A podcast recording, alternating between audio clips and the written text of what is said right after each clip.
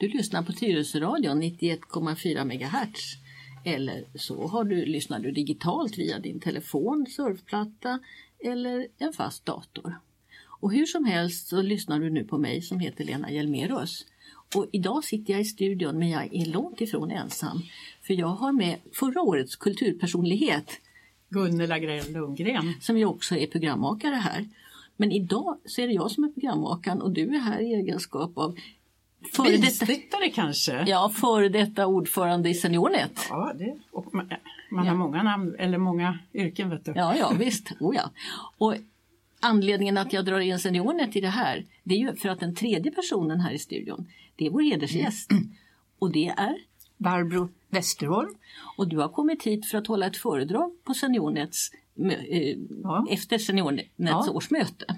Gunnel och jag har ju varit och lyssnat på det föredraget och sen är vi jätteglada för att du hade tid att ställa upp här för ett fortsatt lite fördjupande samtal här i radiostudion. Mm. Titeln på ditt föredrag det var eh, Årsrika idag och imorgon och mm. jag ska återkomma lite till med vad jag fäste mig vid i, i ditt föredrag. Men först så måste jag, jag tycker det är så roligt här, vi är tre personer och så har vi några saker gemensamt. Vi är alla årsrika. Vi är ja, alla lite vithåriga i alla fall. Mm. Det är mycket. ja, jag har färgat det. och sen så eh, är vi kvinnor. Och sen har vi ett gediget intresse för piller och tabletter. Eller hur Gunnel? Ja, det har vi. Gunnel är ju gammal apotekare. Mm. Och jag är så kallad klinisk farmakolog. Och, och sen har jag forskat mycket kring läkemedelsanvändning och läkemedelsbiverkningar. Mm. Väldigt spännande forskning. Så vi har väldigt mycket gemensamt att ja. prata om. Och jag sysslar ju med det eftersom jag fortfarande då jobbar som doktor. En sak som jag hade väldigt svårt för då när den här tekniska utvecklingen kom, det var ju det här med digitalisering. För, för mig så är digitalis fingerborgsblomma mm. och det var Linné som kallade den för digitalis. Och det, det beror på att digit har med fingrar att göra. Och sen så är ju det här att det finns ett, ett giftigt ämne, får man väl ändå säga, som utvinns ur denna vackra blomma. Och det har Gunnel sysslat väldigt mycket med att framställa. Digitoxin. Mm. Och, och digoxin. Och strofantin fanns det till och med ett som hette ja, för väldigt länge sedan. Ja, men det var förr. Och, och de där var knepiga men de var väldigt effektiva för, vid hjärtsjukdom. Då var det så här att digitalisera något det var inte det lättaste. Och det är det fortfarande inte. Och idag så är de så pass giftiga så att vi föredrar andra mediciner mm. istället. Men eh, nu ska vi prata om en annan sorts knepig digitalisering. Nämligen digitaliseringen av samhället. För det är något som har drabbat oss allihopa. Och Gunnel, mm. du som jobbar på Seniornet, eller jobbar och jobbar, du som är aktiv inom Seniornet vad är det för digitala problem som ni möter där? Det är lite olika. Vi möter sådana som har slutat jobba, kommer hem, har ingen dator och vad ska jag köpa för dator? Eller de har en dator men de har ingen support och alltså kan inte hänga med i utvecklingen men vill väldigt gärna lära sig. Och det är gott och väl. Men sen har vi ju en del som kommer som har fått ärva sina barnbarns gamla dator, kanske 15-20 år gammal. Och de är inte så kraftiga så att våra nuvarande program går att använda på dem. Och de personerna som kommer med sådana, de kanske lämnar oss i vredesmod och tycker att ni kan ju ingenting, ni kan ju inte hjälpa mig, jag har ju en dator. Och sen har vi då den tredje kategorin som vi bara kommer åt på hemmaplan eller privat. Det är sådana som inte vill ha en dator. Och Barbro, vad ska vi göra? Har du någonsin ja. Eller ska man inte? Ska vi ändra på samhället? Ska nu måste jag bara gå in och säga här, vi har inte låtit Barbro presentera sig. Nej, jag var jag lite snabb här. Också. Eh, och Barbro, du är faktiskt en av de som bestämmer i Sverige Aha om digitalisering bland annat. Men eh, vem är jag? Ja, jo, men jag är läkare och sen kommer jag att ägna mig åt läkemedelsforskning. fanns på Apoteket AB och Socialstyrelsens läkemedelskontroll, chef för Socialstyrelsen, sen ordförande för SPF Seniorerna och eh, nu är jag i riksdagen. Mm. Och du är vår allra mest årsrika riksdagsledamot. Ja, det är Ja. Och eh, vi är bara sex stycken som är över 65 år i riksdagen. Men det har nog alltid varit ont om 65-plussare i riksdagen. Det här är inget nytt fenomen. Och det är ont om läkare i riksdagen också. Ja, det är det. Mm. Vi- Apotekare också. Ja, Mm. vi, vi, jag tror att det beror på att vi finns i yrken där det yrkesmässigt är så snabb utveckling. Så är man borta fyra år för riksdagsuppdrag så är det knepigt att hämta igen det som har hänt under de där fyra åren. Och det gör nog att många inte vågar eh, lämna sitt yrke för politiken. Jag ska också säga i ärlighetens namn att för den som inte vet så är ju du då eh, liberala partiets Ja. företrädare. Ja. Det. Mm, ja. Men då kanske vi ska fortsätta med det här då med vad gör riksdagen nu för att underlätta eller försvåra för det här med de äldre och det digitala samhället? Ja, riksdagen gör i dagsläget inte särskilt mycket. Det finns aktiviteter i regeringen men man har nog inte riktigt hittat lösningarna. Till en början så satsades ju statliga pengar på SeniorNet.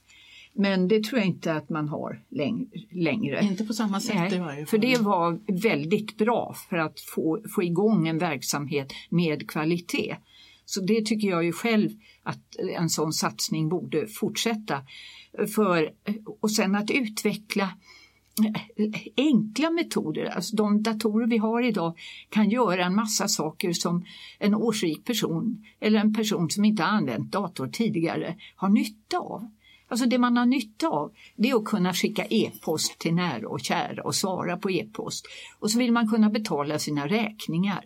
Möjligtvis att titta efter teaterprogram och lite så. Men, men datorn har en massa symboler och saker som man inte har glädje av. Så att eh, jag känner att det här att kunna eh, få tillgång till teknik som erbjuder precis det jag behöver skulle vara bra. Mm. Jag talade just för, ja, när vi slutade vårt möte med en person som skulle beställa biljetter till ett musikaliskt evenemang. Och det var så mycket hon skulle göra på datorn som hon skulle in via Facebook och välja fem vänner som hon skulle uppge vilka det var. Och hon drog en massa sådana grejer och det slutade ju med att hon tog telefonen. Ja. Och det är ändå en person som är med i SeniorNet som verkligen kan sköta sin dator. Ja, Det jag upplever det är att det finns en grupp människor som eh, faktiskt hellre vill ha det som det var förut. Som inte vill ha ett kontantlöst samhälle utan faktiskt vill ha pengar i sin plånbok. Och som vill lägga en parkerings... Det här är väldigt aktuellt här i Tyresö. En parkeringsskiva i vindrutan och inte hålla på med sin telefon och knappa in till ett parkeringsbolag eh, sitt bilnummer. Eh, som känner sig också lite övervakade i det här eh, just därför att det är så mycket vardagssaker som förutsätter att, vi, att vi kan hantera datorer. Och, och det, där är, det där tycker jag är lite bekymmersamt för hur, hur ska de människorna klara sig? Ja, och det är ju det här att, att om man har haft ett enkelt sätt för parkering, ta en sån där parkeringsskiva, det går ju på noll sekund att ställa in den. Ska man sen då fram med mobilen och, och, och här är det små knappar och, och, och feppla med den, så är det ju en mer opraktisk väg för att parkera sin bil på ett lovligt sätt. Och då blir det ett motstånd. Och, och, och detsamma är det ju när man krånglar till beställningar och, och, och betalningar eh, som jämfört med tidigare var en, man tycker är enkelt. Och det här är ju svårt för det här har gått så fort och det finns då en marknad och ta bankerna som kunde eh, lasta över en massa uppgifter på, på sina kunder istället för att ha personlig service. Och det där har vi i politiken inte eh, haft en chans att hejda. Det här kontantlösa samhället, där går ju Myndigheten för samhällsberedskap ut nu och säger alla måste ha kontanter. För går elen så kan man ju inte klara betalningarna. Nej. Jag, jag, jag vet en bankomat som åt upp mitt kort en lång helg eh, därför att det var lite buckligt. Och där stod jag utan kontanter en lång helg. Så att, eh, det, ja, det är sårbart Ja. det här nya digitala samhället plus att det då går väldigt fort för många äldre. Samtidigt så, så talar du också om fördelarna, framförallt inom hälsosektorn då som vi har Ja. som ett gemensamt intresse. Där man eh, kan göra väldigt stora, ha väldigt stora fördelar av den här nya tekniken. Du nämnde lite i ditt föredrag om det här med eh, hur hemtjänst använder tekniska hjälpmedel. Jag vet, ska vi utveckla det lite grann kanske? Mm. Ja, alltså hemtjänsten kan ju då med kunskap erbjuda eh, människor som man har ansvar för eh, i eget boende eller eh, det är ju också i vård och omsorgsboenden, i särskilda boenden, teknik som gör den enskilde mera oberoende av hjälp. Och det, det här kan ju vara då integritetsfråga bakom. Ta det här att behöva hjälp med att göra sig ren i baken efter toalettbesök. Och här finns nu toaletter som eh, med att man trycker på knappar på ett visst sätt gör en ren och då slipper man ju ha någon person med vid toalettbesöket. Det kan vara en väldig fördel. Mm. Så det finns fördelar men det är den enskilde som måste uttrycka vilket behov har jag? Kan jag få pröva den här tekniken? Om jag inte tycker om den eh, så ska jag inte behöva fortsätta med den utan hitta ett annat sätt att tillgodose mina behov. Så att eh, den enskilde måste alltid få kunskap och bestämma själv. Och det ska inte vara något som man trycker på människor för att spara eh, personaltimmar. Man kanske kan få pröva en Ja, gång visst. innan man säger nej. Absolut. Vi har ja. skrivit i eh, Statens medicinsk-etiska råd har givit ut en liten skrift om just eh, robotar och tekniska hjälpmedel. Att det kan vara rimligt att man får pröva en 14 dagars period och, och, och sen avgöra om man vill fortsätta eller inte. Ja, och jag har en, eh, en dotter som jobbar i en annan kommun i södra Sverige och där har man det systemet att man en dag om året har en slags utställning Mm. dit kommunens invånare får komma och titta på alla de här sakerna. För att det är ju lite svårt just om vi tar den här eh, toalett eh, som både spolar en i baken och sen blåser varm luft så man torkar och blir fin. Eh, det är ju svårt att förklara en sån sak om man inte ser hur den ser ut och vilken fördel man kan ha av en sån sak. Och sånt här att, att ha utställningar dit medborgare kan få komma och titta på de här sakerna. Det skulle vi behöva lite mer av tror jag. Oh ja. Jag besökte ett resurscentrum i Karlstad och det är öppet eh, alla vardagar dit man då kan komma. Och det är allt ifrån eh, då, då hjälp att öppna burklock till att gå på toa och så vidare. Oerhört intressant. Och dessutom så en del saker har man eh, också haft eh, lite konstnärlig syn på. De, de är vackra att se på. Färger är fina och så. Du nämnde i ditt föredrag att det var väldigt många av de årsrika som faktiskt klarar sig själva. Ja. Många, många fler än vad vi vanligtvis tänker oss när vi fantiserar lite grann om framtiden och, och vad det innebär att bli äldre och årsrik. Det här ordet årsrik kanske nu våra lyssnare inte känner till. Vill du, vill du berätta Ja. lite vad du lägger i det ordet? Ja, det var att i eh, eh, synonymordböcker, synonymer till gammal och äldre, då hittar man eh, har gubbat till sig, blivit senil, bräcklig, mossig och så vidare. Och då i SPF Seniorerna, där jag var då, sa vi vi måste hitta på något som är mera positivt. Och då var det P.O. Magnusson ifrån Värmland, en doktor där, som sa jag tycker vi ska kalla oss för årsrika. Vi är rika på antal levda år, vi är rika på kunskap och så är vi rika på livserfarenhet. Och den kan man inte läsa sig till, den kan man bara leva sig till. Och den borde uppskattas mycket bättre eh, i samhället än vad som görs idag. Så därför använder jag årsrik. Och det finns en vandringsutställning i, i Sverige med en bok till som heter just Årsrika. Det är Elisabeth Olsson Wallin och hennes då, då kollega Annika Karlsson Bergdahl som har tagit fram den där. Och den, eh, den går land och rike kring och just illustrerar det positiva att lägga åt livet. Då skickar vi en hälsning till kultur och fritidsnämnden här i Tyresö ja. att den utställningen vill vi gärna se på vårt ja. fantastiska bibliotek. Eller hur Gunnel? Ja, absolut. Ja, här, här finns det en bild av en 82-årig dam. Det hon älskar det är att vinterbada. Och hon är lite överviktig och så men det finns en bild av henne när hon är i färd med vinterbadande som är helt underbar. Ja. Jag tänker på också Barbro, du sa att det är viktigt att man får bestämma själv. Mm. I synnerhet vad som ska hända när man närmar sig slutet på livet. Och då tänker jag på Lena, vad du har berättat att du införde på ett demensboende ja. här i Tyresö. Ja. Jag, jag är ju då geriater som specialitet men jag har också varit med väldigt länge och byggt upp den palliativa vården i Sverige. Jag var med och startade Ersta hospice som var ett av de första och jag har varit med och startat de här olika typerna av avancerad hemsjukvård och jag har pratat lite om det här i min medicinska hörna. Eh, det jag gör på de särskilda boendena nu det är att jag försöker att, inte med samma när man har flyttat in, men när man har bott in sig kanske tre, fyra veckor, att man gör en, en plan. Så att alla berörda, den som bor där naturligtvis och dennes anhöriga, eh, beror ju lite på vad man är i för eh, mentalt skick, kognitivt skick, om man förstår eller till och med kan uttrycka sin vilja. Men ändå att man är de människor som är närmast kring.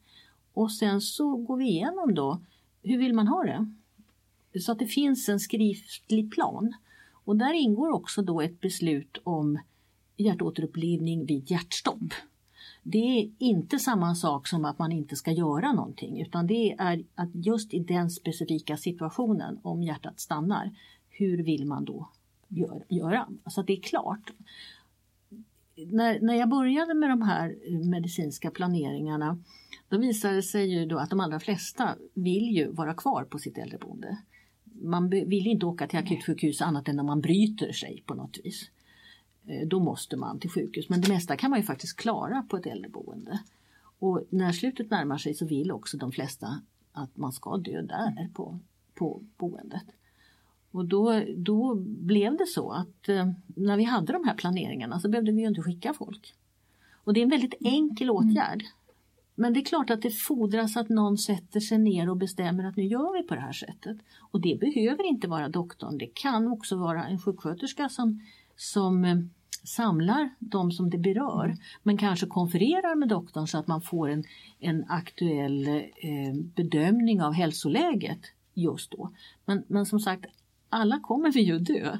Och att man gör den här planeringen och sen kanske man får revidera den efter eh, ett år. Eh, jag var tillbaka på ett av mina äldreboenden här förra året och då hittade jag en planering som var tio år gammal och den gällde fortfarande och där stod det att det här är en pigg och vital människa som händer det någonting så ska vederbörande skickas till sjukhus. Så att de här planeringarna är ju inte att man inte ska göra något utan de handlar om eh, att man har diskuterat igenom frågan. Du var inne lite grann ja. på det danska eh, livstestamentet. Ja. Det känner jag för dåligt till. Mm. Jo, och vi trodde att vi skulle få eh, motsvarigheten och det kom fram här en dam som sa, ja men du, du, vi har det redan. Nej, hälso och sjukvården finns inte med här och det är den som och, och omsorgerna är mest aktuell när man kommer till livsslutet. Mm. Och eh, jag tycker för mina öron, det du berättar här om dina boenden, det är det bäst, absolut bästa. För det som jag såg när jag var på Södersjukhuset i dess etiska kommitté, det var ju att på SÖS så fick man eh, ett antal eh, då, mycket i åren komna som dog på akuten mm. och borde ha fått dö i lugn och ro på boendet. Ja, och, det... och, här, och här var det anhöriga som tvingade fram ambulanstransporten i de flesta fallen. Och det, det, är klart att när man är anhörig och ens gamla förälder eh, ganska, kan, plötsligt förändras och, och, man upplever att det här är kritiskt. Det är ju aldrig fel ändå att åka till sjukhus. Men har man diskuterat igenom situationen innan, att vad är det som kan hända och vad kommer att hända inne på sjukhuset om man åker dit, då kan ju en, en hel del av de här frågorna ändå lösas i förväg. Jag har också varit med om människor som har eh, trott att man eh, inte kan få bra vård på äldreboenden. Och det är väldigt tragiskt för att vi kan det finns läkare och sköterskor på alla äldreboenden och vi kan ge bra vård. Och jag är väldigt glad för den här kommunen just Tyresö därför att här har man också satsat på att Silvia certifiera all personal inom äldreomsorgen, både på vård och omsorgsboendena och även inom hem, hemtjänst. Och jag arbetar ju även i andra kommuner och jag ser ju vilken skillnad det är när man har kommunalt satsat på vårdpersonalen. Men det är klart, det kostar en slant för kommunen att göra. Men vad kostar det att inte göra? Det mm. borde man också titta på. Ja, visst.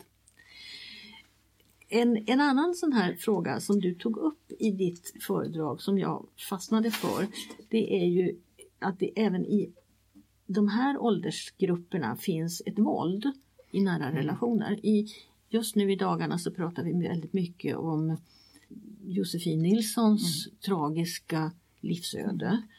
Eh, och eh, vi har andra program här i Tyresöradion som har handlat om våld i nära relationer.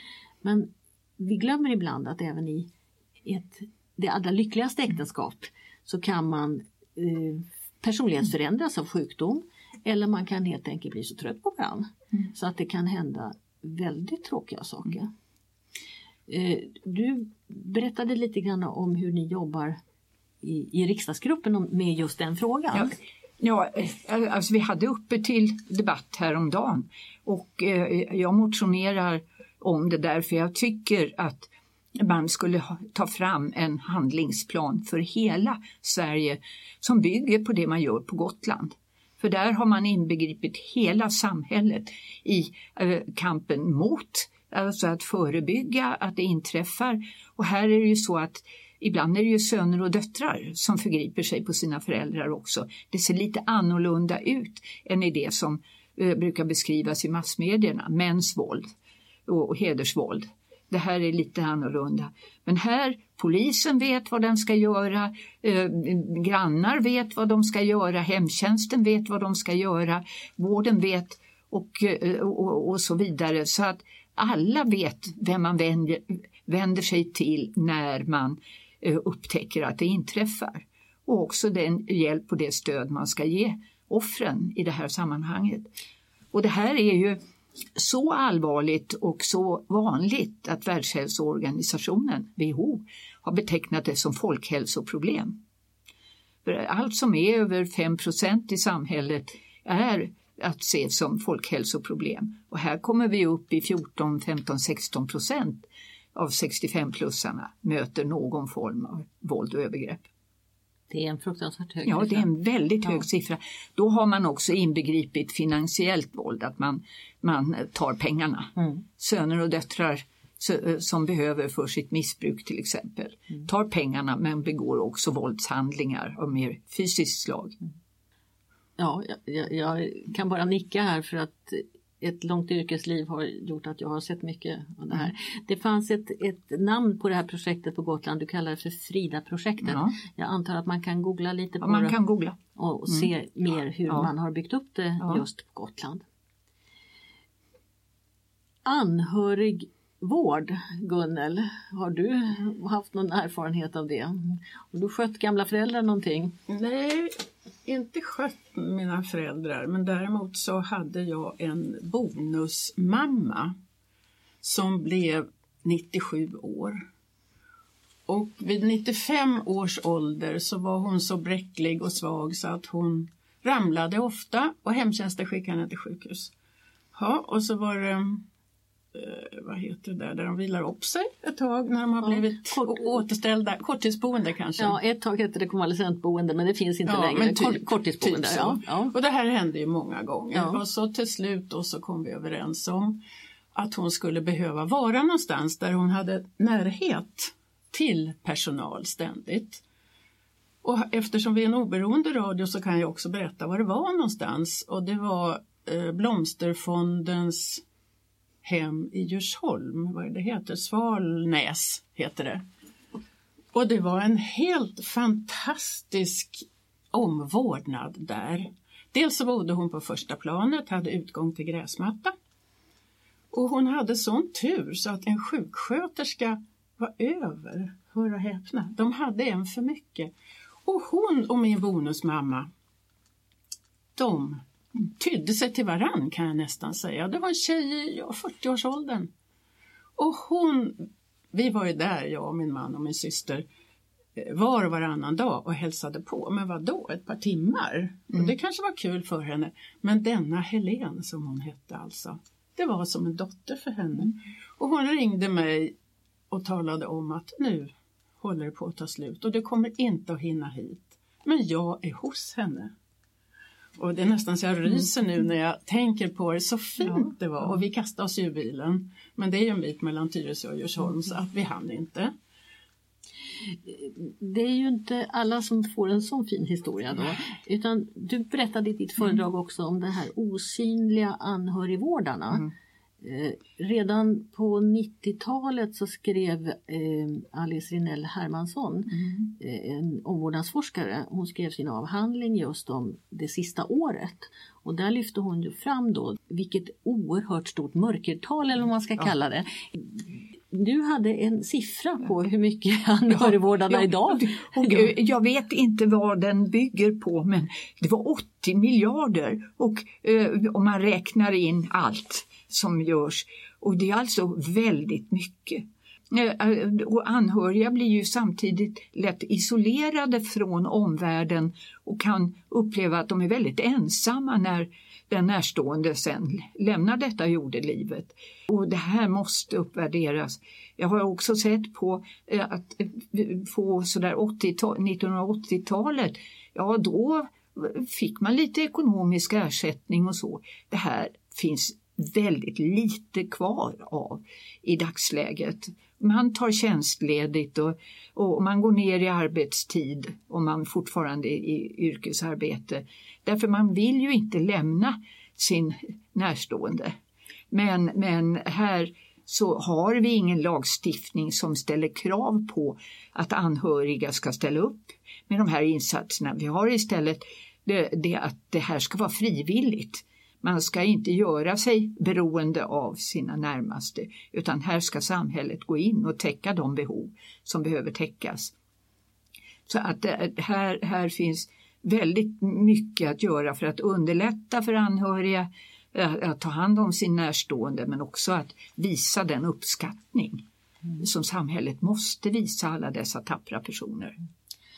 på den tiden jag jobbade med yngre människor i hemsjukvård, döende, palliativ vård, då fanns det både då en pott som man kunde få via Försäkringskassan, en handikappersättning Mm. ibland och så fanns det ett anhörigstöd för kommunerna. Men ja, vi brukade ju säga att det räckte till tvättmedlet för Mm. den ökade Mm. tvättkostnaderna som blev att vårda en sjuk hemma. Ja. Så det är, ju, det är ju nivåer på de här ersättningarna som inte är, ja de är nästan skrattretande Ja. får man säga Ja. för de- de räcker inte till det som de anhöriga lägger ner. I den, I den här kommunen så har vi en demenssjuksköterska som regelbundet samlar till anhörigmöten. Och jag var med på ett sånt här möte i höstas. Det som är bra är ju naturligtvis att kommunen ordnar anhörigmöten. Men det svåra är ju naturligtvis för de anhöriga att, komma, att få möjlighet att gå på dem. för det finns ingen avlösarservice för att gå på någon, den typen av verksamhet. Jag skulle vilja gå tillbaks lite till digitaliseringen. Ja, då Vi hoppar vi pratade tillbaka. bara om ja, ja. vad ska vi göra för att få folk med på tåget. Men man kanske ska vända på det. Vad ska vi, samhället, göra för att de ska slippa med på det där tåget? Ja, alltså är det möjligt att bromsa den tekniska utvecklingen? Det, det, Det tror inte jag. Men de som utvecklar måste eh, vara mer medvetna om att det handlar om individer som är olika varandra och som har olika behov. Så det borde finnas mer att välja på. Att för den som vill begränsa sin användning till eh, enkelt betala och eh, enkel kommunikation med familjen.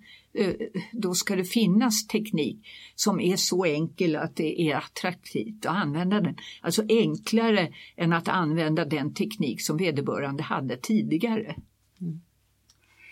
Jag har de närmaste dagarna varit på två matställen där det står endast kontant, nej, inte kontanter. ja, ja, ja. Mm. ja. Och det blir ju mer och mer vanligt. Ja. Men för, man måste ju göra vad man kan för att locka folk att bli lite intresserade. Ja, ja. Så jag har en liten trevlig historia som var en utav SeniorNet Swedens tidigare ordföranden försökte då tala en person till rätta eh, angående datoriseringen.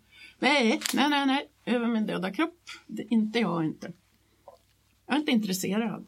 Ja, men vad är du intresserad av då, sa hon. Pudlar. Jaha, sa hon och tog fram datorn och visade. Googlade på pudlar, sida upp och sida ner på pudlar. Så hon blev lite intresserad i alla fall. Hur det sen gick, det vet jag inte. Men sen det här med kontanter, för precis en månad sen skulle jag åka till Jönköping vid lunchtid. Och jag tänkte, då äter jag på tåget. Och så ropar de ut när tåget har satt igång att vi kan bara ta emot kontanter i restaurangvagnen. och, och hela kupén, vad gör vi nu? vi, och, och jag, jag brukar ha en guldtia och så en femkrona för att kunna klara toalettbesök om inte eh, toaletten tar kort. Så, och 15 kronor kommer man ju ingen vart med i restaurangvagnen. Så det blev det motsatta. Men sen så några veckor senare så blev det det motsatta att man kunde inte ta emot kontanter i restaurangvagnen. Så att man måste alltså ha en beredskap för både och. Ja. Och det här är ju vad Myndigheten för eh, samhällsberedskap tar upp att man måste också ha kontanter på sig och nu har jag det. Mm, ja. Ja, jag inte har, jag. Jag, inte du, jag tror jag har lite grann men jag, jag, jag brukar förlita på mig på min man som alltid har. ja, hörni, klockan rusar iväg här när man har trevligt. Jag tror att vi måste börja avrunda lite granna. Barbro, det viktigaste frågan nu för framtiden och de äldre och samhället, vad är det? Det är att få bort fördomsfull syn på årsrika människor, alltså människor som har kommit upp i åren.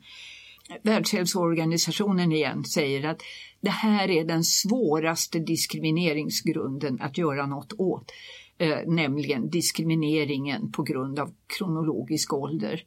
Och eh, den drabbar ju främst då de som har kommit upp i åren. Och jag skulle gärna se att ungdomsförbunden de politiska ungdomsförbunden började använda eller arbeta med den här frågan. Därför att det handlar om deras framtid. Inte bara den tid jag lever i med mina jämnåriga, utan det är deras framtid. Men den här fördomsfullheten har funnits sedan antikens tid. Så att eh, vi, mitt mål är att den ska minska. Att man ska uppskatta den här generationen som den tillgång i samhället som den är. Och med det så avslutar vi då från två stycken. För länge sedan då kallades vi för de gråa pantrarna. Har ni glömt det? Ja, det hade jag glömt. det, jag känner igen ja, ja, det. Ja, ja, det, det ligger mycket ja, i det. Ja, de, de gråa pantrarna och eh, de årsrika tycker jag ska ställa sig ner med fötterna på jorden och tala om att här finns vi. Och och ni måste anpassa samhället till en del efter oss i alla fall och så måste vi anpassa oss till samhället mm. också. Mm. Bägge delarna. Mm. Men då ska jag be att få tacka er så hemskt mycket. Vad roligt att få ha dig här idag Barbara. Tack, det var roligt att få vara med. Jag hoppas att du återkommer flera gånger till Tyresö för det var fullsatt på biblioteket idag ska vi väl tala om för alla som tyvärr missade ditt föredrag. Mm. Och sen är ni välkomna till Seniornet och ni är välkomna att lyssna på Tyresö-radion. Jag heter Lena Hjelmerus. Och jag heter Gunnela Grell Lundgren. Och jag heter Barbro Westerholm. Tack för idag.